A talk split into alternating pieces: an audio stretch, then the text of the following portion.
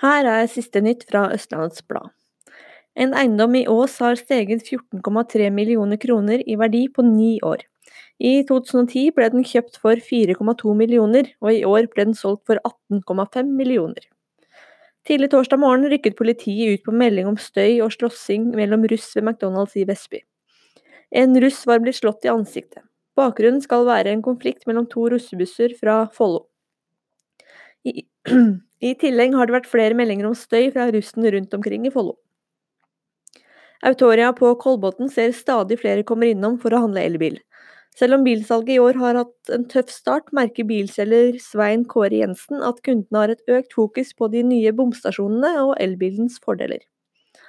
Fibex på Langhus leverer porttelefoni og adgangskontroll for, til både bedrifter og privat, privatmarkedet over store deler av landet. I fjor solgte de for 15 millioner kroner.